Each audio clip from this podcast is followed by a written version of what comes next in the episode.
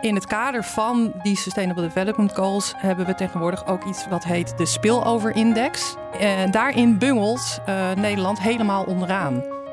Ik heb wel grote zorgen over de manier waarop we nu handel soms op een podium zetten met handel als doel en niet meer als middel om inderdaad voor brede welvaart te zorgen.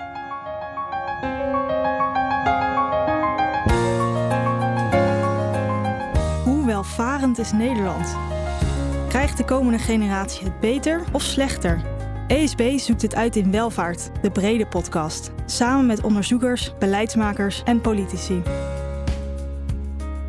Welkom bij een nieuwe aflevering van Welvaart, de brede podcast. Een podcastserie van ESB over brede welvaart. Aflevering 15 alweer. En vandaag gaan we praten over een van de drie dimensies van brede welvaart. En misschien een uh, dimensie die wel het risico heeft om een beetje ondergesneeuwd uh, te raken. En dat is namelijk de dimensie elders. En dat gaat over hoe wat we allemaal met elkaar doen, uh, produceren en handelen, effect heeft op de wereld buiten ons. En voordat ik vertel met wie we daarover vandaag aan tafel zitten, hoor ik graag van mijn co-host Jasper waar hij hoopt achter te komen vandaag. Ja, we hebben met deze podcastreeks tot nu toe, um, zo luidde in ieder geval de kritiek van een aantal wat um, enthousiastere luisteraars een beetje zitten navelstaren. We hebben zitten kijken naar het brede welvaartsconcept en hoe dat te begrijpen is. En hoe je dat kunt gebruiken in Nederland om in Nederland beslissingen te nemen. Uh, en naar allerlei maatschappelijke uh, partijen in Nederland die daarmee aan het werk gaan. Maar we hebben eigenlijk niet de deur naar buiten toe uh, geopend. Dat hm. past misschien in een tijdgeest waarin de politiek ook heel erg naar Nederland en, en, en, en, en, en onze landsgrenzen kijkt als harde dingen. Ja. Um, maar ja, we zijn uh, wel zo'n beetje de meest open economie ter wereld. We hebben een onwaarschijnlijk grote impact op de rest van de wereld. Uh, en dat zit ook in brede welvaart volgens hoe het CBS dat definieert. Dat is namelijk hier en nu, uh, de toekomst en elders. En ja. we gaan het nu over, over elders hebben. Ja, en daarover gaan we praten met Danielle Hiers. Danielle is econoom. Ze is 15 jaar lang directeur geweest van Both Ends, een Nederlandse milieu- en mensenrechtenorganisatie. En sinds kort Tweede Kamerlid namens GroenLinks PvdA. En als ik het goed heb, Danielle, de enige die hier is ingekomen door voorkeursstemmen. Dat klopt toch? Ja, dat klopt helemaal. Ja, nou hartstikke mooi. Dank. En uh, voordat we over het onderwerp van vandaag gaan uh, praten, wil ik eerst wel eens weten hoe bevallen nou die eerste weken in de, in de Tweede Kamer? Uh, nou, het bevalt heel goed. Uh, en ik weet zelf niet precies waarom, want ik voel me natuurlijk ook een ontzettend onervaren. Ik ken de spelregels niet, ik ken mm. de codes niet. Uh, dus ik loop daar ook een beetje rond in opperste verbazing. maar dat is eigenlijk misschien ook wel waarom ik het zo leuk vind. Ja, ja. Nou, goed om te horen. En laten we dan overgaan op het onderwerp waar we het over willen hebben. Danielle, onze impact als Nederland op elders vooral goed of vooral slecht? Uh, voor, op dit moment vooral slecht. Leg uit. Helaas, ik, voor het slechte nieuws. Nou, het is. Uh, kijk, Nederland is een. Uh, Jasper zei het al.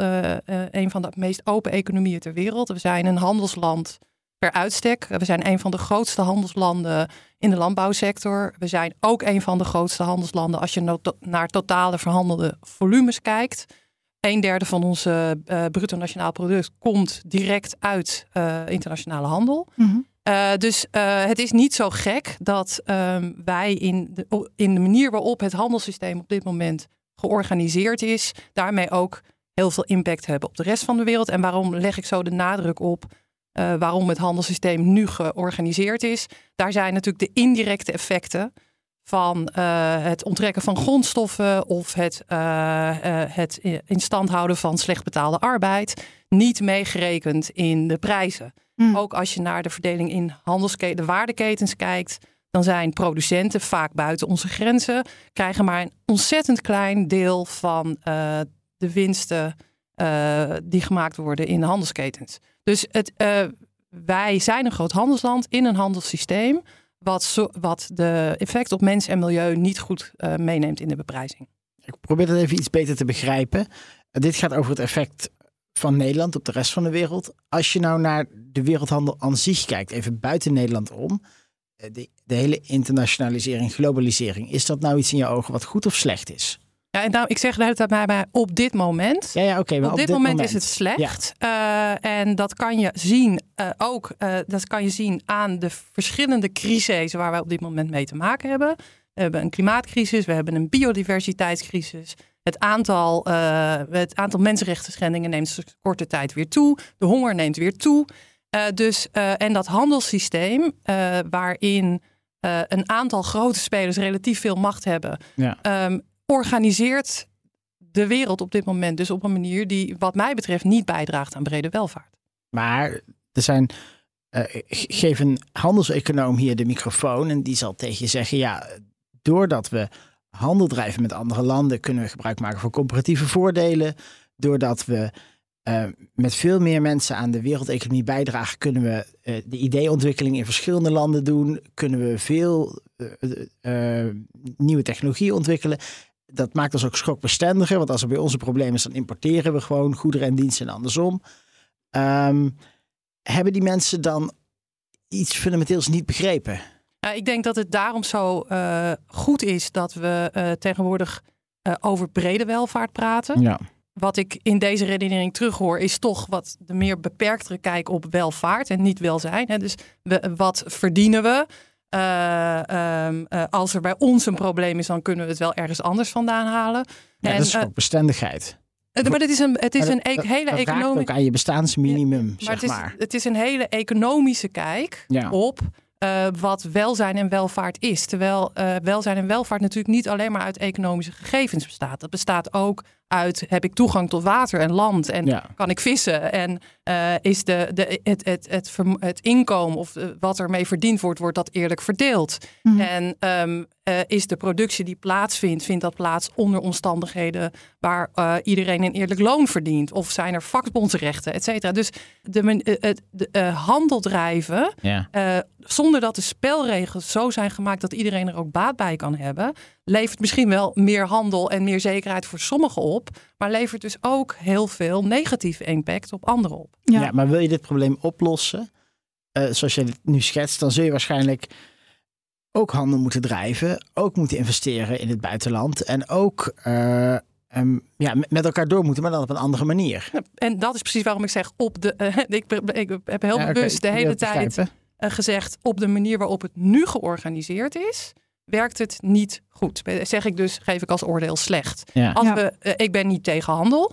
Uh, zeker, ik ben ook niet tegen handel door Nederland met andere landen. Maar uh, wel, ik heb wel grote zorgen over de manier waarop we nu handel soms op een podium zetten met handel als doel en mhm. niet meer als middel om inderdaad voor brede welvaart te zorgen. Ja, ja. en misschien, misschien ook uh, verder kijken, dan is het alleen goed voor, voor ons, voor Nederland. Uh, en ook uh, wat meer rekening houden met wat, wat is de impact dan op de wereld buiten ons.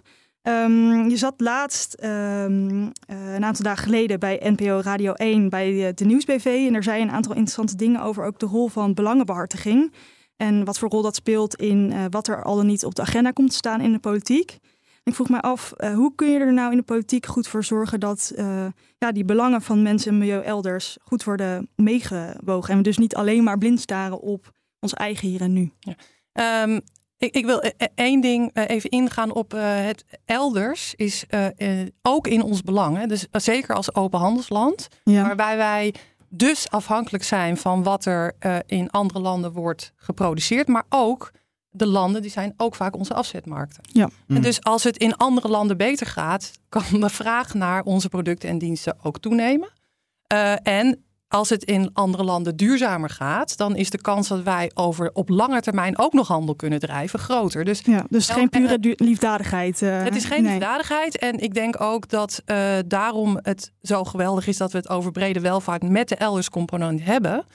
Omdat in mijn overtuiging Nederland zichzelf ook in de voet schiet als we hier niet uh, veel toekomstgerichter mee omgaan. Dus dat even, ik wilde dit gezegd hebben, omdat je vanuit de politiek natuurlijk wel duidelijk voor ogen moet hebben waarom dit ook voor Nederland een belangrijk agenda zou moeten zijn. Want dat, dat is hij op dit moment nog niet. Ja. Uh, dus uh, in de, in de, uh, in de radioaflevering zei ik dat ik de stem van de mensen die de gevolgen van onze beslissingen ondervinden, graag meer naar de Kamer wil halen. Zodat we ook beter inzicht krijgen in wat onze beslissingen nou werkelijk doen. Want ik denk niet dat het allemaal onwil is ik denk ook dat we relatief weinig weten van wat investeringsbeslissingen in ons, uh, die wij hier nemen, elders teweeg brengen.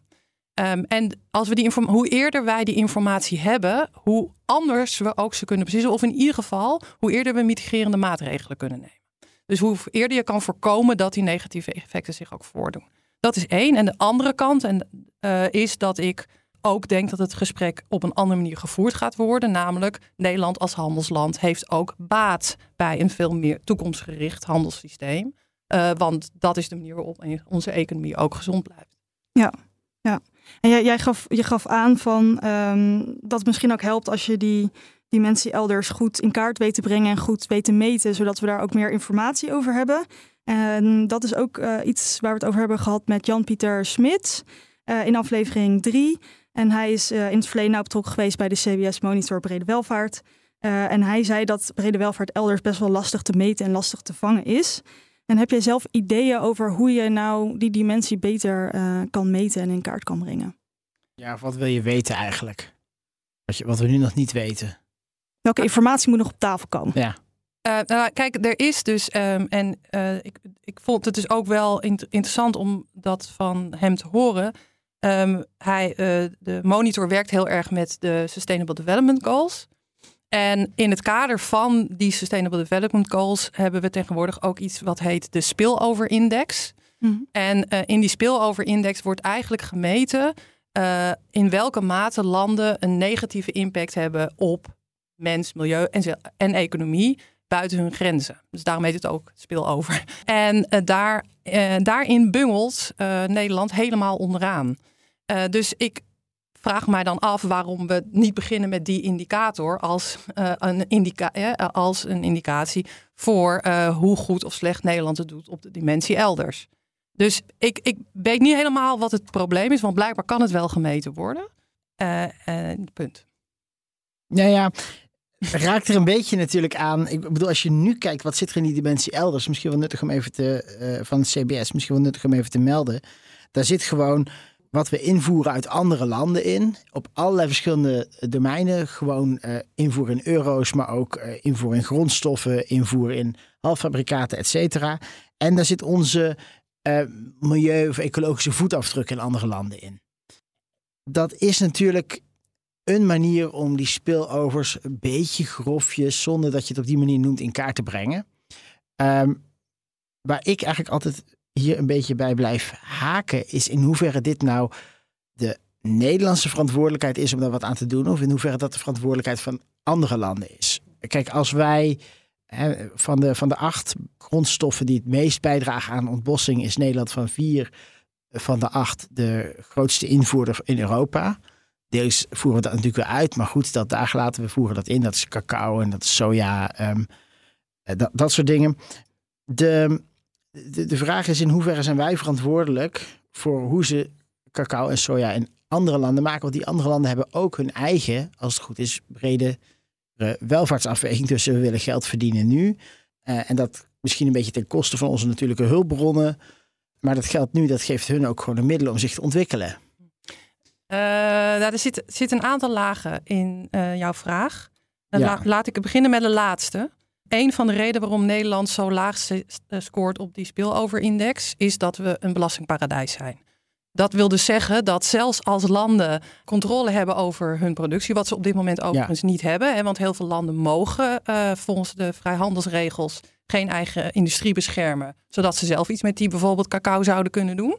Maar zelfs als landen dus rijkdom uh, zouden kunnen vergaren, dan, dan, dan zijpelt dat weer weg door dit soort constructies. Dus uh, er zitten een in, uh, in, ons, in onze financiële en economische af- en handelsafspraken internationaal een aantal gaten. Ja. Schulden afbetalen is er zo één. Dus het is voor heel veel landen heel erg moeilijk om die rijkdom te vergaren, om vervolgens zelf aan hun brede welvaart te werken, omdat er internationale afspraken zijn waarbij, ik noem maar even zo, de westerse wereld voortdurend aan het langste eind trekt. Maar die landen gaan toch zelf ook akkoord met die afspraken? Nederland heeft toch bilaterale belastingverdragen met, ik dacht, 180 landen of zo. Dat is bilateraal. Dus dat is gewoon Nederland en het andere land. En dan praat je met elkaar en dan komt er een dikke tekst uit waar je het al mee eens bent. Dat, uh, hetzelfde uh, uh, wordt ook veel gezegd van bilaterale investeringsverdragen. Ja, of van het toekennen van exportkredietverzekeringen. Daar moeten andere landen ook hun uh, handtekening onder zetten. En daar zitten een, een aantal ja-maars bij. Eentje mhm. is welke opties hebben die landen dan? Want um, als ze dit niet doen, hebben ze dan, wat doen ze dan met hun economische activiteiten? Want welke opties zijn er? En je ziet nu dus ook dat uh, steeds meer landen kiezen om geen handtekening te zetten en liever met China uh, handel drijven, wat misschien ook niet in ons voordeel is. Uh, de tweede reden is dat niet alle landen waarmee wij dit soort verdragen afsluiten democratisch zijn. Uh, dus uh, de belangen die vertegenwoordigd worden zijn vaak maar een beperkt, uh, beperkt waardoor ja, maar dat is. Nee, dus het regime is, tekent dat, die krijgt geld in de zakken. Ja. De mensen in het land zelf schieten daar relatief weinig mee op. En het regime verdedigt gewordigd die mensen zelf niet. En dat is een van de redenen waarom we dus ook internationaal bij de OECD afspraken hebben gemaakt. Die multinationals mede verantwoordelijk maakt voor de mensenrechten schendingen en de milieueffecten in hun keten omdat dat een erkenning is van, eh, ik zeg het even zo, een falende overheden in de landen met wie wij handel drijven. Ja. Eh, dus het, eh, we weten wel dat uh, landen niet altijd handelen in het belang van een aantal van de meer sociale en milieuwaarden die wij ook belangrijk vinden. Ja, deels vanwege een uh, problemen in het land zelf. En deels omdat ze de mogelijkheden niet hebben in internationale afspraken. Helder? En, maar, dat is het eerste deel. ik wil daar nog één ding bij zeggen. Mag dat? Ja, tuurlijk. Uh, kijk, um, het handelssysteem zoals we dat nu hebben... en ik, het, het, het, is niet populair meer om dat te zeggen... is natuurlijk wel een beetje een afspiegeling... van de koloniale relaties die in deze wereld al 400 jaar bestaan. Wij hebben altijd veel gebruik gemaakt van grondstoffen uit andere landen zonder daar noodzakelijk eh, daar per se iets voor terug te geven, waardoor die landen zich verder konden ontwikkelen. Dus we, we, we hebben te maken met een erfenis die we, mhm. wat mij betreft, niet genoeg adresseren. Uit een best wel lang verleden, mhm. die heel veel landen op een achterstand heeft gezet om zichzelf te kunnen ontwikkelen. Ja? Maar, maar dus, als je dit nou meer informatie hebt, is dit nou beter, uh, beter meet, gaat dat dan goed komen. hoe gaat dit dan het probleem oplossen? Want ja, die spillover-index, je zegt ja, we weten het al. Ja, niet volgens de officiële CBS-definitie, maar ehm, er zijn natuurlijk allerlei NGO's die, die hier gewoon naar kijken en ook data ook hebben. Ehm, kijk, het begin van een probleem uh, oplossen is het probleem eerst maar eens erkennen. En dat is in Nederland nog best wel een uitdaging. En dat zie je ook als je bijvoorbeeld, eh, nou ja, dat zegt het CBS zelf, hoe ingewikkeld het is om elders in kaart te brengen. Mm. Uh, terwijl we eigenlijk best wel veel weten over wat er gebeurt. Dus waarom kiest het CBS plus het uh, eh, CPB dan niet om te vertellen wat er aan de hand is en te zeggen wij hebben hier een, uh, wij hebben hier een probleem en daar moeten we ook aan werken. De tweede is, omdat het probleem vooralsnog niet heel erg hoog op de agenda staat, zijn er dus ook heel erg weinig mensen mee bezig om het probleem op te lossen. Maar je, je, zal, je zal erover moeten gaan mm. praten. Dus ik ben jullie ook enorm dankbaar dat deze elders dimensie nog in deze podcast terecht, ook al is het de aflevering 15. Ja. Uh, uh, maar het is dus best opvallend hoe weinig mensen, ook in jullie podcast, dit probleem omarmd hebben. Ja. Uh, terwijl ze natuurlijk allemaal op een of andere manier met de internationale dimensie bezig zijn. En Jasper, ja, uh, Jasper jij, uh, je, je, ziet bij dat CBS wel de, de elders de mensen in ieder geval meeneemt, maar er zijn een aantal andere instanties die daar helemaal niet uh, ja, kijken, dus, toch? Um, het, de planbureaus die um, houden zich uiteraard netjes aan de officiële CBS-definitie, maar als ze dat vervolgens moeten operationaliseren, um, dan kijken ze naar wat er hier en nu gebeurt in euro's en in milieuschade. Dan kijken ze naar wat dat dan in de toekomst voor Nederland betekent. Uh, ook in euro's en in milieuschade. Um, en dan brengen ze ook de effecten daarvan op de verdeling in Nederland in kaart. Daar, daar, zijn ze gewoon goed in. En dat is ook de, de, de driedeling euro's, milieu, sociale gelijkheid. Dat, dat doen de planbureaus, doet, TNO ook. Um, als die dit in kaart moeten brengen. Uh, dat is ook hoe we hadden hier minister Adriaansens in de mm -hmm. studio van EZK hoe zij hier in grote lijnen naar kijkt. Ze formuleerden het anders, maar het kwam daar ook op neer. Um, dit is ook hoe VNO en CW hier naar kijken in hun uh, operationalisering van brede welvaart. En dat is ook hoe de uh, ene welvaartsindicator grotendeels die ontwikkeld is door de UU en Rabobank, waar, die grotendeels op, op stoelt, zeg maar. Dus de, behalve het CBS wordt er niet heel veel naar elders gekeken. En dat sluit op zich heel goed aan bij jouw verhaal. Maar mijn vraag zou zijn, um, als je kijkt waar die dingen voor gebruikt worden, is dat misschien gewoon wel functioneel. Want eh, heel veel van die dingen worden gebruikt voor brede welvaart in de regio. En dan, of brede welvaart in Nederland. En dan is het gewoon de vraag: moeten we nou meer investeren in project X in Nederland of in project Y in Nederland? Moeten we, ehm, moeten we, deze, moeten we het verkeer in Nederland omleiden? Dat het niet meer in de binnenstad van Amsterdam mag komen, ja of nee? Kun je brede welvaartsanalyse op loslaten? Maar wat dat te maken heeft met onze relaties met het buitenland, is mij niet heel helder. En de meeste beslissers zal dat ook niet heel helder zijn. Uh, dan gaan we terug naar het begin, denk ik. Een derde van ons BNP wordt, in het buiten, hè, wordt verdiend uit buitenlandse handel. Ja. Uh, de projecten die wij hier doen, worden dus mede gefinancierd uit de opbrengsten van die handel. Ja. Daar, uh, dus daar zit een hele directe link. Het is niet zo dat die buitenlandse handel eigenlijk niets met Nederland te maken heeft. het feit dat wij zoveel dieren of vlees produceren in Nederland, heeft een effect op de rest van de wereld. En wij halen de soja daarvoor ook uit Zuid-Amerika. Dus het, uh, de neiging om binnen de grenzen te kijken naar brede. Ik noem maar even een soort multicriteria-analyse. We hadden, vroeger hadden we kostenbatenanalyses en we hadden multicriteria-analyses. Dat bestaan nog steeds. dat hebben we nog steeds. Bestaan nog steeds op projectniveau. uh, maar dus, dus dit is eigenlijk een multicriteria-analyse. Ja. Waar we uh, een derde van de vakjes gewoon niet aan het invullen zijn. Terwijl ze wel een effect hebben op uh, de manier waarop wij de toekomst ingaan. En ook op de planeet, die voor ons ook belangrijk is om überhaupt een toekomst ja. te hebben. En hoe kun, je, hoe kun je nou echt zorgen dat je het perspectief van de ander echt meeweegt, in plaats van misschien de projectie die wij vanuit het Westen of vanuit Nederland hebben op wat die ander zou willen? dat, uh, kijk, daarvoor uh, een van de uh, zaken die de SER wel meeneemt als we het hebben over brede welvaart, is de, de noodzaak om INWO-wetgeving in te voeren. Hè. Dus re regels met z'n allen afspreken die afdwingen dat bedrijven die een zekere omvang hebben, als ze in uh, landen gaan investeren of projecten draaien, kijken naar wat de mogelijke mensenrechtenrisico's zijn, mm -hmm. uh, is al een hele stap. Want dan moet je in kaart brengen wat er eventueel kan gebeuren als je aan de slag gaat. Ook gegeven het feit dat in niet al die landen goed functionerende democratieën uh, onze handelspartner zijn. daar, in die NVO-wetgeving staat ook dat je moet kijken naar de milieu. Ja. En dat is geen gigantische exercitie. Je mag je ook, als je het maar doet, als je er maar over na begint. Dus um, MVO is maatschappelijk verantwoord ondernemen, toch? En IMVO is internationaal maatschappelijk verantwoord ondernemen. Excuses. Oké, okay, maakt niet uit. Ja, ja uh, dus dat is uh, een manier.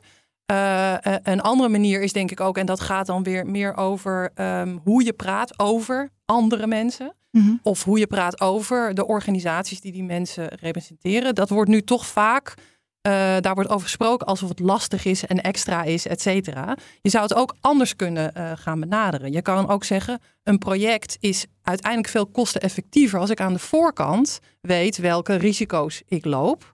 Want dan kan ik uh, zorgen dat mensen wel tevreden zijn, dat ik geen protesten aan mijn deur krijg, dat ik geen rechtszaken. Dus ik zou bijna denken, als je kostenefficiënt wil ondernemen in landen waar niet alles even goed geregeld is, mm -hmm. dan kan je beter aan de voorkant het een en ander in kaart brengen en uh, mitigeren. Uh, wat hebben, hebben de mensen om die projecten heen? Maar dan, dan zou het toch automatisch zo moeten gebeuren? Als het, als het zo kostefficiënt is? Dat gebeurt nu dus niet. Ja, maar jij zegt het, het zou het zou eigenlijk automatisch zo moeten zijn als je er goed over nadenkt, dat je daar al mee bezig bent. En, da en dan komt dus de vraag, dan kom je weer op die regulering het zijn geen werkelijke kosten. Want mensenrecht, mm. mensen van wie hun rechten worden geschonden in niet-democratische regimes, hebben helemaal geen mogelijkheid om te protesteren. Want dan krijgen ze een hele vervelende reactie van uh, de lokale machtshebbers. Of ja. uh, als jij milieu aantast in, in landen waar uh, bepaalde machtsverhoudingen zijn, dan heb je daar helemaal geen boete op. Ja, het kan ook nog een lange korte termijn verhaal zijn. Dat je op korte termijn zaken kunt doen. Mm op een manier die de mensenrechten schendt, uh, maar niet op een lange termijn met zo'n land. Dus dat je als uh, bedrijf gewoon zegt, op korte termijn doen we dat met allerlei landen en dan gaan we daarna weer naar het andere land toe. Hmm. Ja, en, en, wat zou de oplossing zijn dan? Is dat dan bijvoorbeeld nog strengere rapportageverplichtingen of, of waar zit het hem dan dat uh, voor jou in? Nou, het, het, we hebben natuurlijk best wel veel rapporten al. Um, ik heb een tijdje in de ABN, uh, Duurzame Sustainability Advisory Board gezeten. Mhm. En daar kregen we echt best wel indrukwekkende rapporten over mensenrechten, over klimaat. alleen als er geen consequenties worden verbonden aan de dingen die gebeuren, dan blijven het niet bestaande kosten. En daarom nogmaals is andere wetgeving belangrijk, want dan kan je ook daadwerkelijk iemand kan er afgerekend worden als je geen niet je best doet om mensenrechtsschendingen te voorkomen. Dus eh, we hebben heel lang gehoopt dat transparantie en rapportages voldoende zouden zijn om bepaalde dingen te voorkomen. Maar blijk, dat blijkt niet zo te zijn. Uh, en daarom zal je dus uh, de stap naar wetgeving moeten zetten. En jij zit natuurlijk nu in de, in de Kamer, dus je kan je bemoeien met die wetgeving. Wat staat er op het lijstje? Nou, het verlanglijstje. Het verlanglijstje staat dat uh, de, de initiatiefwet, die door zes partijen overigens is gemaakt, uh, uh, aangenomen, ja, besproken gaat worden en uiteindelijk is dat het ketenbeding? Het, keten, het, is, het hete IMVO-wetgeving. Ja, oh ja, ja, nee, precies. Het ketenbeding is een belangrijk onderdeel daarvan. Overigens hebben we al zo'n wet aangenomen. Dat is ook interessant. We hebben al een wet op kinderarbeid of tegen kinderarbeid aangenomen. Hm. Dat is eigenlijk de voorloper op deze wet. en die is op een of andere manier in de ijskast verdwenen. Beroemde ijskast. Uh, omdat deze wet eraan zou komen. En dat duurt maar en dat duurt maar. Ja, dus jij gaat hard op de trommel slaan. ja, als dat, uh, als dat de manier is om het uiteindelijk voor elkaar te krijgen, ga ik dat zeker proberen. Ja. Jasper, heb jij nog uh, een prangende vraag op een van deze punten? Of vind je het tijd voor de vraag van Sarah? De vraag van Sarah. En dan nu. De vraag van Sarah. Hi Danielle, leuk dat je te gast bent in onze podcast. Een invloedrijk boek onder economen is Why Nations Fail van Acemoglu en Robinson. Hierin beschrijven ze dat inclusieve instituties een noodzakelijke voorwaarde zijn voor de ontwikkeling van de Global South. Deelname van de bevolking aan economische ontwikkeling via die sterke instituties is key. Investeringen die wij als Nederland doen in landen elders op de wereld komen dus wellicht alleen ten goede aan brede welvaart, als deze investeringen ook leiden tot sterkere instituties elders. Wat denk jij? Welke verantwoordelijkheid heeft Nederland om sterke instituties elders te bevorderen. En hoe zouden we dat dan beter kunnen doen? Um, uh, ik denk dat het um, in belang van onder andere Nederland is, ook vanwege de SDG's, maar gewoon ook wat ik net zei, vanwege onze vele handelsrelaties, dat uh, andere landen instituties kunnen opbouwen. Um, wij investeren daar ook al heel erg lang in. Een tijdje lang is dat uh, ook een van de belangrijkste doelen van uh, ontwikkelingssamenwerking geweest. Namelijk goed bestuur heette dat dan. Uh, dat is volgens mij een beetje weggevallen. Maar ik ben ervan overtuigd dat alleen met een gezonde institutionele infrastructuur landen precies kunnen doen wat jij zegt, Jasper. Hè? Dus zelf ook beter worden van, van handelsrelaties. Uh, zij kunnen beter opkomen voor de belangen van uh, dus de mensen rondom uh, de projecten waar wij in investeren. Ze kunnen meer geld vasthouden als ze op een andere manier met belastingontwijking kunnen omgaan. Ze kunnen beter zorgen dat milieueffecten af, afnemen. Dat, hoort allemaal bij gezonde instituties, maar het heeft ook andere. de gezonde instituties helpen ook. Bijvoorbeeld, heb ik net geleerd wij gaan uh, veel noodhulp en humanitaire hulp nemen ontzettend toe. Mm uh, dat komt door veel meer conflicten en klimaatrampen. Dat het doen van uh, humanitaire hulp is veel en veel efficiënter als er al instituties zijn. Want anders moet je helemaal vanaf niks beginnen. Terwijl als je een gesprekspartner hebt die ook een uitvoerende capaciteit hebt, kan je veel sneller overgaan tot wederopbouw. Dus instituties zijn net als bij ons enorm belangrijk. En kan Nederland daarin een, een rol spelen om, de, om die instituties te, te versterken? Ook in het buitenland? Ja, dus wij kunnen onze kennis die we op dat gebied hebben uh, delen. Ik zelf vind altijd de waterschap een ontzettend mooi voorbeeld. Een van de eerste mm. democratische instituties ter wereld. In de, westen, in de, in de moderne wereld. Want ja, um, uh, en het, uh, het overlegmodel dat daarachter zit, is zeker interessant voor heel veel andere landen. Een andere manier waarop Nederland kan helpen is om de bestaande instituties niet te ondermijnen. Want uh, er is natuurlijk best wel veel uh, wetgeving op het gebied van milieu, op het gebied van arbeidsrecht. dus het zou al heel wat zijn als Nederlandse actoren die in bepaalde landen actief zijn, zich gewoon aan die wetgeving houden en daarmee het gezag van de instituties ook steeds versterken. Ik heb nog steeds niet het gevoel dat ik met een politicus praat.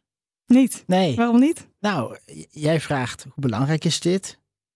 En dan zegt Danielle, eh, heel belangrijk. En dan met een hoop woorden, zeg maar. Heel netjes. En dan vraag je, wat kunnen we eraan doen? En dan eh, komt daar een een beetje jouw eigen verhaal terug. Wat kunnen we nou concreet doen? Ik dacht dat een politicus. Sorry, ik dacht juist dat ik enorm als een politicus praten met een hoop woorden. Ja, misschien heb je, ik- misschien heb je wel gelijk. Misschien heb je ook wel Nee, gelijk. Nee, wat je zo'n politicus. Nee, maar eh, wat ik even kijken hoor, wat kunnen we nou concreet doen? Ik zeg, als je onderneemt in die landen als een Moet je je aan Nederlandse de lokale actor, wetgeving hou je houden. gewoon aan de regels. Ik zeg, als je eh, eh, eh, internationale afspraken maakt, denk dan niet alleen aan je eigen korte termijn belang, maar neem hè, dus de dimensie elders en het welzijn elders en de kwaliteit van milieu elders vooral mee. Ja. Ik zeg, voer nou eens die wetgeving door waar we Ja. al 15 jaar over lopen te steggelen. Ik, en ik kan ook praten over hoe wij handelsregels anders kunnen inrichten. Zodat bijvoorbeeld, Het buiten, In handel- het verder gaat dan goede bedoelingen. Want dat, doe dit nou eens. als de- wij handels... Hou je nou gewoon aan de wet is een beetje een... nou, die wet is er nog niet. Dus dat is wel Ja, een politieke maar in het keuze. buitenland, hou je in het buitenland aan de wet, is het natuurlijk een oproep die je concreet doet Ja, je kan hem ook anders. Je, kan hem, je zou ook kunnen zeggen: geef geen eh, eh, eh, financiële steun, overheidssteun meer aan bedrijven die zich niet houden aan de OECD-guidelines. Geef geen eh, subsidies meer aan eh, eh, bedrijven die geen goede klimaatplannen hebben. Ik bedoel, er zijn heel veel concrete dingen die je geeft juist wel heel veel steun aan de innoverende bedrijven die in- nieuwe partnerscha- handelspartnerschappen vorm aan het geven zijn. En even nog naar de handelsverdragen. Wij maken nu handelsverdragen met, met allemaal hele harde afspraken. Maar afspraken over klimaat en mensenrechten zijn soft. Die kunnen we niet afdwingen. Uh, dus ik zou het ook heel goed vinden als wij modernere handelsverdragen gaan maken. waarin uh, klimaat en mensenrechten wel een uh, hard criterium zijn om handelstromen op gang te blijven houden. En dat kan allemaal terwijl wij er in Nederland ook nog geld aan verdienen. Ja, dat kan allemaal. Maar de verdeling van het verdienen van het geld en welke uh, bedrijven meer en minder geld gaan verdienen, zal wel anders zijn. Zo is dan nou een voorbeeld. Er stond uh, een week geleden, ik vond het uh, een heel positief bericht. Ik weet niet of iedereen er zo over denkt, maar uh, we hebben een EU-ontbossingswet aangenomen. En dat heeft nu al het effect gehad dat de, de Braziliaanse ontwikkelingsbank, Menendez, heeft besloten dat ontbossing, de projecten die, uh, die tot ontbossing van de Amazone leiden, uh, geen financiering meer van die bank krijgen. Wat Oh, een directe impact heeft op uh, het portfolio van onder andere de Rabobank. Dus uh, dat, dat is niet leuk voor de Rabobank, maar het zou zomaar een kans geven, kunnen geven aan bedrijven die inzetten op duurzame productie van soja. Ik wil even terug naar hoe het CBS die dimensie elders meet. Want is dat nou wel helemaal duidelijk? Jij zei net al, Jasper, en ik heb er nog een keer heel goed naar gekeken, dat het lijkt alsof de CBS uh, de impact elders uh, als positief zit als, wij, als Nederland meer grondstoffen importeert. En dan laten ze er een aan. Ik weet niet of ik het verkeerd gezien heb, maar uh, dan laten ze een aantal. Fossiel telt dan niet mee. Mm. Uh, biomassa, hè, dus minder biomassa is beter, dat zeggen ze ook. Ja. Maar um, dus als wij meer importeren uit ontwikkelingslanden, dan lijkt dat als iets positief gezien te worden. Terwijl wij natuurlijk ook weten dat de manier waarop die grondstoffen gewonnen worden, juist heel vaak in dit soort landen leidt tot aantasting van de kwaliteit van water, gepaard gaat met mensenrechten schendingen, niet uh, plaatsvindt onder veilige arbeidsomstandigheden. Dus ik zat echt te zoeken. Ik, ik, ik, uh, ik zag hem niet, maar misschien heb ik die groene staafjes verkeerd geïnterpreteerd. Ik weet niet hoe jij het zag. Nou ja, uh, ze meten dit, dit, de import. Maar vervolgens is er bij een aantal staafjes niet een hele harde implicatie of meer import beter is. Dus het meer het, het weergeven van onze impact. En mag je daar zelf het jouwe van vinden. Daar heb ik dus een aantal Ja. kanttekeningen bij. Ja, Dat als je zou ook kunnen dit combineren met bijvoorbeeld je hebt eh, Civicus. Civicus is een, eh, een eh, wereldwijde NGO die eigenlijk eh, de, de mate waarin de, een land democratisch is en waar basisrechten worden geres- gerespecteerd in kaart brengt. Hmm. Je zou kunnen denken van hoe lager die democratiseringsgraad is, dan, dat zou een wegingsfactor kunnen zijn of hoe goed de Ja. import uit die landen is. Ik, ik bedoel, ik, ik doe ja even dit is dus wel heel ingewikkeld. Want als het Waarom in, is dat ingewikkeld? Nou ja, als het dus in landen niet goed gaat met de rechtsstaat. En je wil dat graag beter krijgen, moet je dan niet met ze handelen of moet je dan meer met ze handelen? Je Dan moet je allebei met- die dingen natuurlijk een, een verhaal houden. Hè? Je moet kunt met zeggen, ze we- handelen onder andere omstandigheden. Dat Ja. is precies, want op het moment dat je, dat kan je, jij, eh, eh, Sarah noemde net een boek wat veel gelezen wordt onder economen. Een ander boek eh, is wat ik super interessant vond, wat ik zelf als econoom nog nooit, echt nog nooit eerder van gehoord had, was de Dictators Handbook. Oh ja, die is Eh, leuk. Het is een heel mooi boek. En daarin eh, s- staat precies beschreven hoe dictatoren aan de macht blijven. En één van de manieren is handel zonder condities. Want daardoor blijft een kleine groep rondom eh, de personen die aan de macht zijn, eh, eh, eh, genoeg interesse houden om die persoon aan de macht te houden.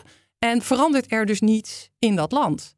Eh, dus je moet heel goed nadenken over of je met dit soort landen zomaar handel moet drijven. En bij wie eh, de voordelen van die handel dan terechtkomen. Je noemt nu handel drijven en handel zonder condities als een manier om ehm, ja, hè, voor de dictator aan de macht te blijven. Ehm, maar er is natuurlijk meer dan handel. Er is, er is ook investeren. Er is ook het samen schrijven van internationale verdragen. Of dat nou belasting is of het standaardiseren van stopcontacten. Ehm, eh, welke van die dingen zijn nou het belangrijkste? Als het gaat over het ehm, ja, eh, brede welvaart elders in Nederland. Maar ook welvaart in die landen. Waar hebben we nou de meeste impact? Ehm, de meeste impact voor een land als Nederland is denk ik daar waar je zelf controle over hebt. Dus eh, als wij ehm, vanuit onze overheid bedrijven stimuleren en steunen in, investeren, in het doen van investeringen in andere landen, Ja. eh, dan hebben wij via dat kanaal meteen een impact op de levens van mensen daar. En dat kan een positieve impact zijn of een negatieve impact zijn. Hmm. Dan hebben wij via die subsidies meteen een impact op eh, de, de, manier, de im- impact op milieu, water, kusten, et cetera. Dus ik, mijn neiging is om te zeggen: begin nou eens te veranderen daar waar je zelf controle over hebt. En kijk wat er dan gebeurt. Want daar zijn ook allerlei beelden bij dat het dan allemaal enorm veel meer gaat kosten. En dat we de concurrentieslagen gaan verliezen, et cetera. Maar dat hoeft misschien helemaal niet waar te zijn. Alleen we zetten er gewoon ook niet op in. Als bedrijven aangeven, wij willen wel meer respect voor mensen, maar dan hebben we extra steun nodig van de Nederlandse overheid om, dan zijn we al een heel eind verder. Eh, dus wij hebben best wel veel, en daarom is het ook interessant om naar Nederland te kijken. Eh, Juist omdat we zo'n groot handelsland zijn, juist omdat we overal zitten, hebben wij, omdat we heel veel kennis hebben, hebben wij ook de mogelijkheid om zelf iets te veranderen. Wij zijn daarin dus niet afhankelijk van allerlei landen om ons heen. De tweede laag is, we moeten internationale regels veranderen. Maar dat is heel erg taai. Dat zie je op alle fronten. Ja. Eh, ik vind ook dat we daar eh, wat meer koploper zouden moeten zijn. eh, door ook zelf het goede voorbeeld te geven. Maar dat is een langere termijn agenda. Terwijl we daar waar we zelf gewoon de handelspartner zijn, meteen iets kunnen doen. Ja, daar wil ik toch één opmerking over maken. Het, het Nederlandse bedrijfsleven zegt gewoon. Eh, dan vertrekken de bedrijven als we daar strenger gaan zijn en daar meer eisen gaan stellen. Dat hebben, dat hebben we als economen lang weggelachen. Want dat is niet een heel serieus argument. Maar we hebben de afgelopen jaren gezien dat eh, Unilever vertrokken is, dat Shell vertrokken is, dat DSM vertrokken is. En al die bedrijven, ehm, ja, die zeggen gewoon het klimaat voor bedrijven in Nederland wordt minder vriendelijk. Eh, het gevolg is wel dat we als Nederland minder verdienen en minder impact hebben. Dus de, hebben we ons daarmee niet in onze eigen voet geschoten? Ik heb een aantal keer gevraagd: wat, is nou, wat bedoel je nou precies met dat vestigingsklimaat wat zo aan het verslechteren is? Mm. Eh, een van de redenen da- wa- waarom ik dat blijf vragen, is omdat eh, het World Economic Forum nog steeds zegt dat Nederland een van de meest concurrerende economieën is. Terwijl wij zijn een land wat goed zorgt voor haar eh, bedrijven die in het buitenland ondernemen. We hebben ehm, eh, ook heel veel bedrijven teruggekregen. Dus het is niet zo dat er alleen maar bedrijven zijn weggegaan. Er zijn ook nieuwe bedrijven bijgekomen.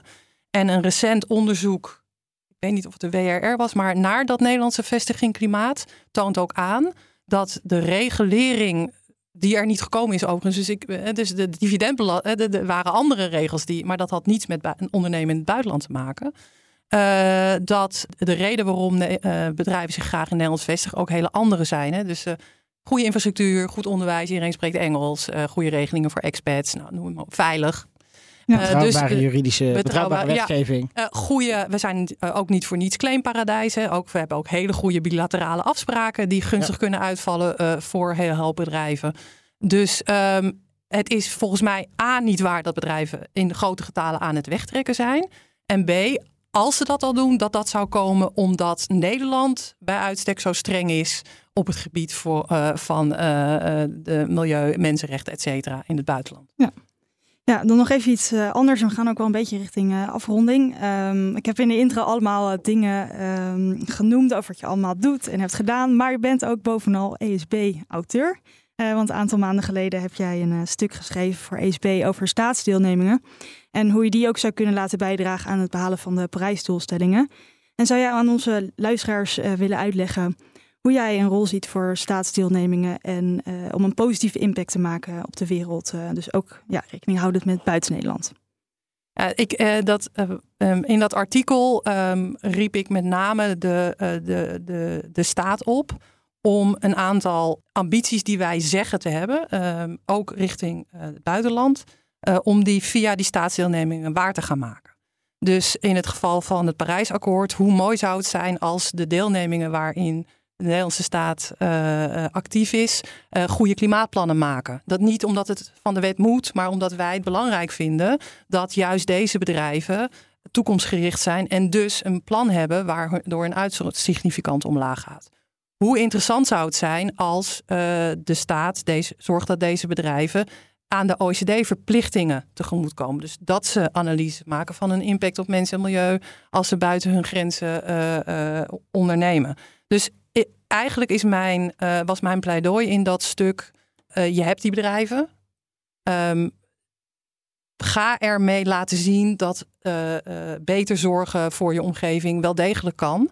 En leer daar dan ook van, zodat je bedrijven die dat in de toekomst ook moeten gaan doen, goed kan steunen in, in het waarmaken van die ambities. Dan wil ik eindigen met iets, een positieve vraag. Wat is nou echt jouw, uh, jouw ideaalbeeld als het gaat om Nederland als handelsland? En uit welke inspirerende voorbeelden kunnen wij putten om nu al concrete stappen te zetten om dat te behalen?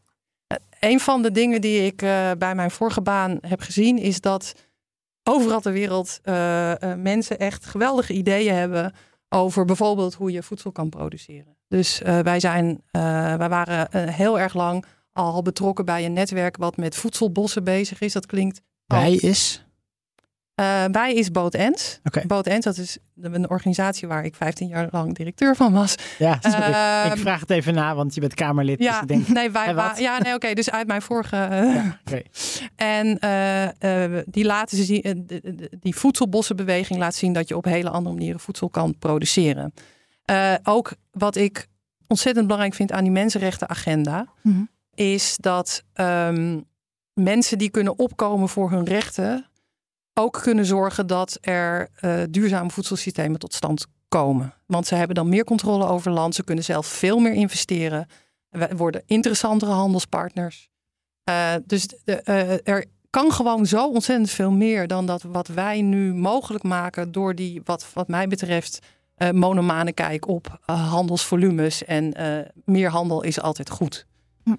Dat eigenlijk. Ja, dankjewel Danielle. Uh, dankjewel ook Jasper. Uh, ik denk dat we uh, aan het begin zitten van een gesprek over brede welvaart elders die komende jaren nog verder gevoerd kan worden. Ja, ook um, elders, zeg maar. Mag ook elders, ook worden. elders. Ja. en we zitten al bijna aan het eind van onze podcastreeks. En um, volgende week gaan Jasper en ik praten met Gijs van der Vlucht en Maarten de Jong over brede welvaart bij financiën. Dus tot dan. In de begroting. In de begroting. Tot dan.